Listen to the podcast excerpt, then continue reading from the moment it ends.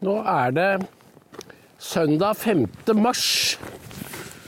Og det kan jo være en dag like god som noen til å erklære at det norske demokratiet er Det er ikke bare noe annet enn det det har vært. Men vi er blitt et overvåkningssamfunn, og jeg vet ikke om jeg vil bruke ordet demokrati om et overvåkingssamfunn. Og Grunnen til at jeg sier dette her, er fordi jeg hadde en samtale med en bekjent i dag, og vi har en felles bekjent som jobber i det offentlige. Jeg kan ikke være mer spesifikk enn det, annet enn at det er på et ganske høyt nivå. Men vedkommende har vært utvunget eh, før, nærmest frivol, også blant kolleger, og har fått lov til å være det. Men over tid så har han forandret seg, og det fikk jeg høre nå, at også min, min venn da eh, har merket at han har forandret Har blitt mer taus og tør ikke si ting han gjorde før. Så jeg legger sammen to og to, og jeg forstår at det nå legges et press på folk som jobber både i det offentlige, og det tror jeg gjelder nesten på alle nivåer, og de som vil noe i det private næringsliv. Det er fordi vi har jo fått noen som er såkalt i selvstendige yrker, men som da selger sine tjenester på det frie, åpne marked, og de må også være forsiktige med hva de gjør utad. Og de trenger ikke forklare oss grunnen, fordi vi er fullstendig klar over det. At det har ingenting med feighet å gjøre, det er rett og slett et spørsmål om å kunne forsørge familien. Og ja, vi trenger ikke si noe mer. Men denne, denne munn og klove som er satt på folk i det offentlige og høyere opp i systemet nå i det senere, det er et varsel. Så i dag har jeg snakket med folk på signal, og ikke på Messenger og ikke på telefon når vi skulle snakke om bestemte personer. Og jeg vil jo råde da vi kommer til å gå over til krypterte tjenester. Og dette er ikke paranoia, det er realisme. Vi skulle egentlig ha gjort det for lenge siden, men jeg skjønner nå at nå nå er det på høy tid. Fordi de frykter et comeback i 2024 fra mannen med det oransje håret. Og de Det er ikke sånn at krigen er blitt blir mildere i år. Den har eskalert. De to årene vi har foran oss, kommer til å bli, til å bli så polariserte og hatefulle og hatet kommer ovenfra og sprer seg nedover. Og da er spørsmålet om det kan skje voldelige ting. Og her må jeg si at jeg leste en fantastisk artikkel da av Guy Millier på Gatestone. Den er lagt ut nå på alle fire plattformer. Sverige, Danmark, Norge og engelsk Document News. Det må dere lese. Han eh, baserer seg mye på en artikkel av Lee, Lee Smith i Tablet som jeg skal lese grundig. Lee Smith er en av USAs beste reportere og forfattere. Og det han forteller som er sjokkerende, er jo at det, er, det begynte under Obama og har fortsatt nå under Biden, selvsagt. State Department, amerikansk UD, har fond som de bruker til å undergrave Netanyahus regjering med. Altså, de finansierer disse store demonstrasjonene som nå har pågått helt siden regjeringen tiltrådte. Og det er jo rett og slett for å velte Netanyahu. Og da gir han eksempel på hva ledende israelere har sagt. Folk som Ehud Barak, som snakker om at eh, Bibi er en fascist. Men det verste var borgermesteren i Tel Aviv, som helt noe sånn Hva er det? Rodney Haidar. Var vel ikke helt etternavn, men var noe lignende. Som sier at nå avskaffes demokratiet, og det kan bare gjenvinnes med blod. Det er jo helt sjokkerende til å komme fra en borgermester i landets største by. Men det er da det sentimentet som venstresiden, establishment i Israel, står for. Det er krig.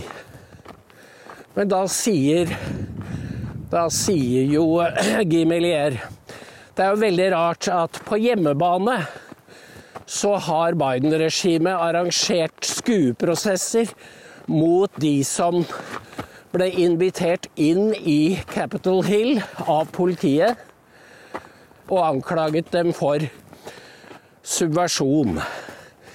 Men i utlandet så driver State Department med akkurat det samme mot folkevalgte regjeringer, som til og med er vennligsinnede og regnes som allierte. Dette er en veldig viktig innsikt, og det er jo noe Det er jo noe som mange andre regjeringer også er, ser og er klar over. At USA sier én ting hjemme mot sine motstandere, anklager dem for opprør osv., og, og gjør akkurat det samme ute mot andre regjeringer. Og dette har pågått lenge. Så USA er i ferd med, som jeg har sagt, å få et veldig dårlig rykte, fordi dette er en såkalt kognitiv dissonans som etter hvert begynner å avgi en skjærende falsk lyd. Og den kan oppfattes, den kan høres av stadig flere. Ta dere tid til å lese kronikken til Gimelier, fordi det er, det er rystende lesning. Venstresiden nekter å godta at samfunnet kan styres av andre enn dem. Det er kjernen. Det er de som har monopolet. Det er de som har mandatet. Og hvis velgerne velger noen andre, og det gjorde de i Israel i fjor, så går venstresiden til opprør. Da er alle midler tiltatt, tillatt. Og så sier de det handler om lov og rett og rettssystemet. Det, og det er eh, denne artikkelen god på, for den forteller at dagens system er noe som ble innført for 30 år siden. For da sa Høyesterett, eller de fikk gjennomslag for at absolutt alle vedtak kunne ankes inn for Høyesterett, som da sitter med den ultimative makt over alle lover og vedtak.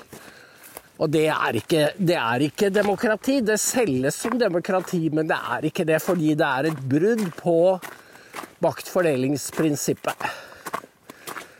Og det er Når du kjenner den bakgrunnen, så forstår du hvorfor Bibi ikke kommer til å gi seg. Han kommer ikke til å skrinlegge denne reformen fordi det står altfor mye på spill. Hvis han gjør det, dette er jo en parallell til krigen mot Trump. De prøvde å få han, tvinge han i kne. Fordi hvis Bibi gir etter her, så er han en mer eller mindre lame duck. Da kan han ikke Da har han ikke frihet til å gjøre det han må. Og jeg, her var det Dere har sikkert fått med dere at etter alle, all terroren mot israelere, så Og det var to israelske brødre som kjørte gjennom en palestinsk landsby som het Havare. Og da ble det løsnet skudd, og de ble drept. Og dette var jo bare to i 1 artillerieangrep. Så da fikk eh, bosetterne nok, og flere hundre gjennomførte et gjengjeldelses, et hevnangrep, rett og slett. De brant hus og biler. En palestiner ble drept. Det er jo sånn man tok loven i sine egne hender, altså. Det skal man jo ikke gjøre. Men en av generalene på Vestbredden kalte dette en pogrom. Og da skjønner du hvor han hører hjemme politisk. For det er altså ordet for det som for systematisk forfølgelse av jøder, særlig i Tsar-Russland. Og det å bruke den betegnelsen om hva israelere gjør mot palestinere etter flere drap på sivile, det gjør du bare ikke. Da ønsker du å gni det inn og, og, og nedverdige dine egne landsmenn. Og det er denne arrogante, liberale toleransen for vold som gjør at israelere har stemt inn Bibi, og med han de religiøse sionistene. Nå skal finansminister Besalel Smotrich han reiser til USA eh, i morgen. Eller uke, denne uken. Og han skal holde Han er invitert av noe som heter Israel Bonds. Altså israelske obligasjoner. Men Det hvite hus, ingen der vil møte ham. Der er det boikott. Og dette er del av en synkronisert kampanje mot Israel. Fordi høyresiden skal knek knektes den skal ikke tro at eh, den har mandat til å styre, selv om den har et flertall av velgerne bak seg.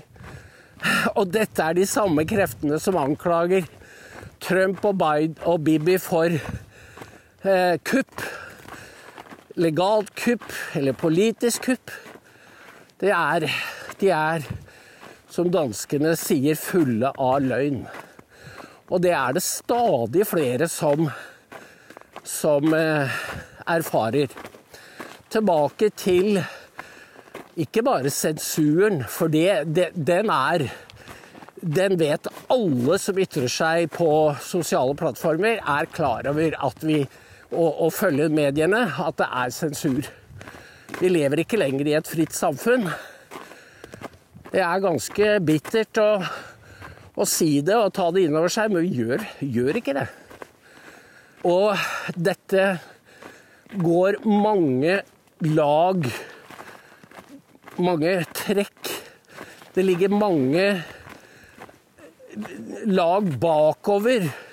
Og vi ser ikke bunnen av det, men vi, vi, vi ser det i USA, hvor State Department f.eks. har en stiftelse som de da bruker til å kjøpe seg innflytelse i andre land. ETG e eller EMG eller noe sånt heter den. Det er så mye akronymer, og du går helt surt og slett. Men jeg hører jo på NRK og har gjort det, det gjør dere også, hørt det i mange, mange år. Anders Tvegård var jo en USA-korrespondent som ikke akkurat gjorde noe imponerende innsats. Han var en Han var rett og slett en dåsemikkel. Han bare fulgte manus og sa det som var forventet av ham. Men nå er det en helt annen Tvegård. Og han har fått mye større plass. Han uttaler seg med større tyngde. Og han ehm, Øyvind Tustad skrev et brev til han i forbindelse med hva NRK prøver å ljuge i folk når det gjelder hvor mange svarte som drepes av politifolk. Og da kom det et langt svar tilbake. Og det, det tror ikke jeg var suget av Tvegårds eget bryst. Det hadde en umiskjennelig Soros-smak. Og det er nemlig Og så sier han helt merkelig helt til slutt Hvis du skriver til meg som journalist, så kan vi Hva var det han skrev? Så kan vi ta en diskusjon. Men det var jo nettopp det Øyvind gjorde, for han skrev med adresse, dokument og logo og greier. Men det hadde ikke Tvegård fått med seg. Det hørtes ut som han kopierte et, noen eh, ready-made-svar. Og de var De var velpreparerte. De bare argumenter jeg kjenner fra Amerika, og for å overbevise og bløffe de som ikke har greie på tingene. Og jeg tror at hvis du hører på en del av de i NRK, er jo liksom ja, Unnskyld uttrykket dudelig deier. Som ikke har så veldig mye. De, de bare gjør det de får beskjed om. Og så er det noen unge menn som heller ikke Som bare viser tydelig at de, de er eh, De har ikke tenkt å gjøre seg opp noe Forandre på noen ting. Men så er det noen som er autoriserte talsmenn. Og en av dem er jo Halvard Sandberg. Han er eh, absolutt en av de autoritetene.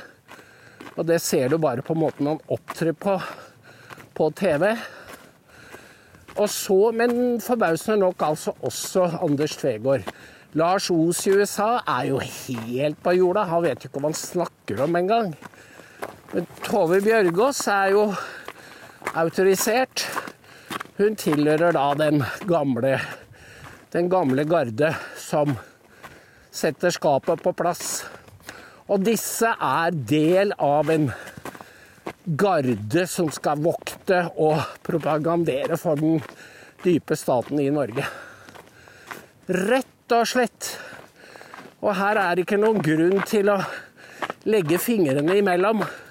For det de forsvarer, er sensur, undertrykkelse, munnkurv og også etter hvert juridiske konsekvenser.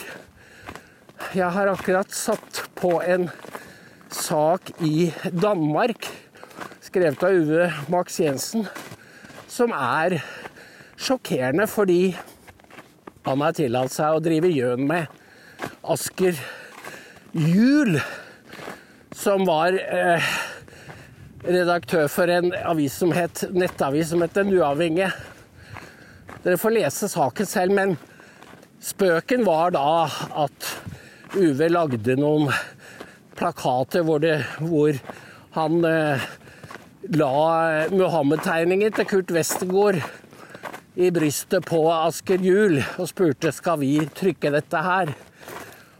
Og for det Asker Juel anmeldte han til politiet i all hemmelighet. Og på toppen av det hele så kommer politiet hjem til Uve Max og raider hjemmet hans. Tar med seg datamaskiner. De raider også Det var jo ironisk nok slik politiet oppførte seg mot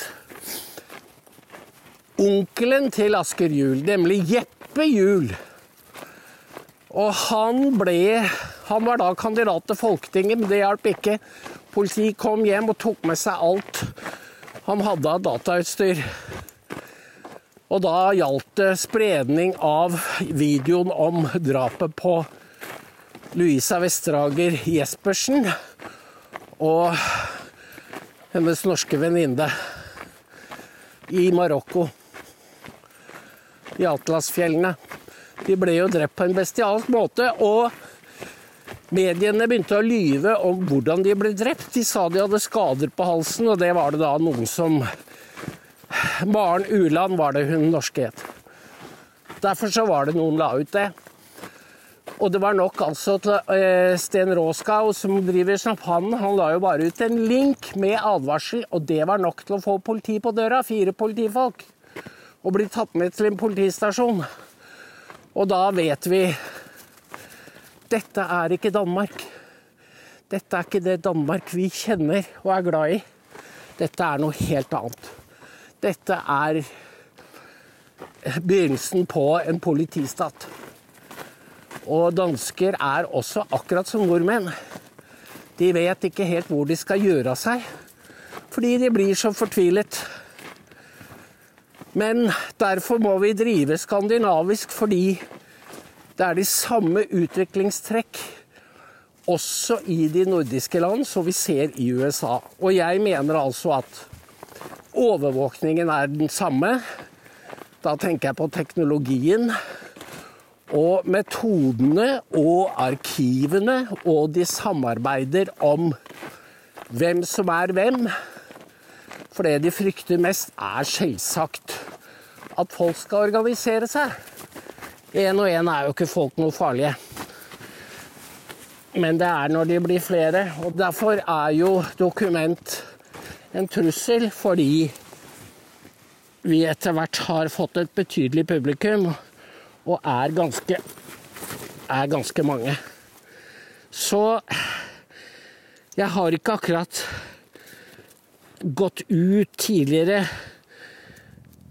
Nei, så jeg har jo ikke sagt dette før, for jeg ville ikke male fanden på veggen, jeg vil ikke skremme folk, men nå er det Dette er alvor, altså. Når folk du kjenner og har kjent i mange år, plutselig blir unnvikende, så skjønner du at nå er det alvor. Og det er veldig trist fordi det gjelder. Fordi det er jo ikke noe moro hvis du har en høy stilling, og så kan du ikke være deg sjøl. Altså, du må passe på hva du sier overfor venner, og hva du skriver og hvor du er. For de vet absolutt alt om deg. Da er det ikke moro lenger. Og derfor så Det er en av hovedgrunnene til at jeg sier dette her. Fordi jeg vil dere skal forstå hvilket privilegium dere og vi har som kan si det vi mener. Dette er virkelig fri mann. Verdien av å være en fri mann. For hvis du bøyer deg for dette regimet, så Da er livet over, etter min mening. Da er det ikke noe moro lenger. Og vi skal ha det moro i gåseøynene. Vi skal ha noe å feire, vi skal ha noe å slåss for. Og det tror jeg faktisk veldig mange av Dokuments lesere og seere etter hvert har forstått, fordi det blir stadig flere. De kommer strømmer til. Det er Og det blir stadig flere lokallag. Det er det er en stor for hvert lokallag, for, hver, for hvert abonnent, er en seier over de mørke kreftene. Det er Hanne som sitter på pengesekken, og hun vil gjerne ha Hun vil gjerne ha noe kjøpe utstyr og ha lønninger og Og det er 13629, er det ikke det, Lars? Jeg tror det. Ja, men eh, takk for i dag, dere. God søndag.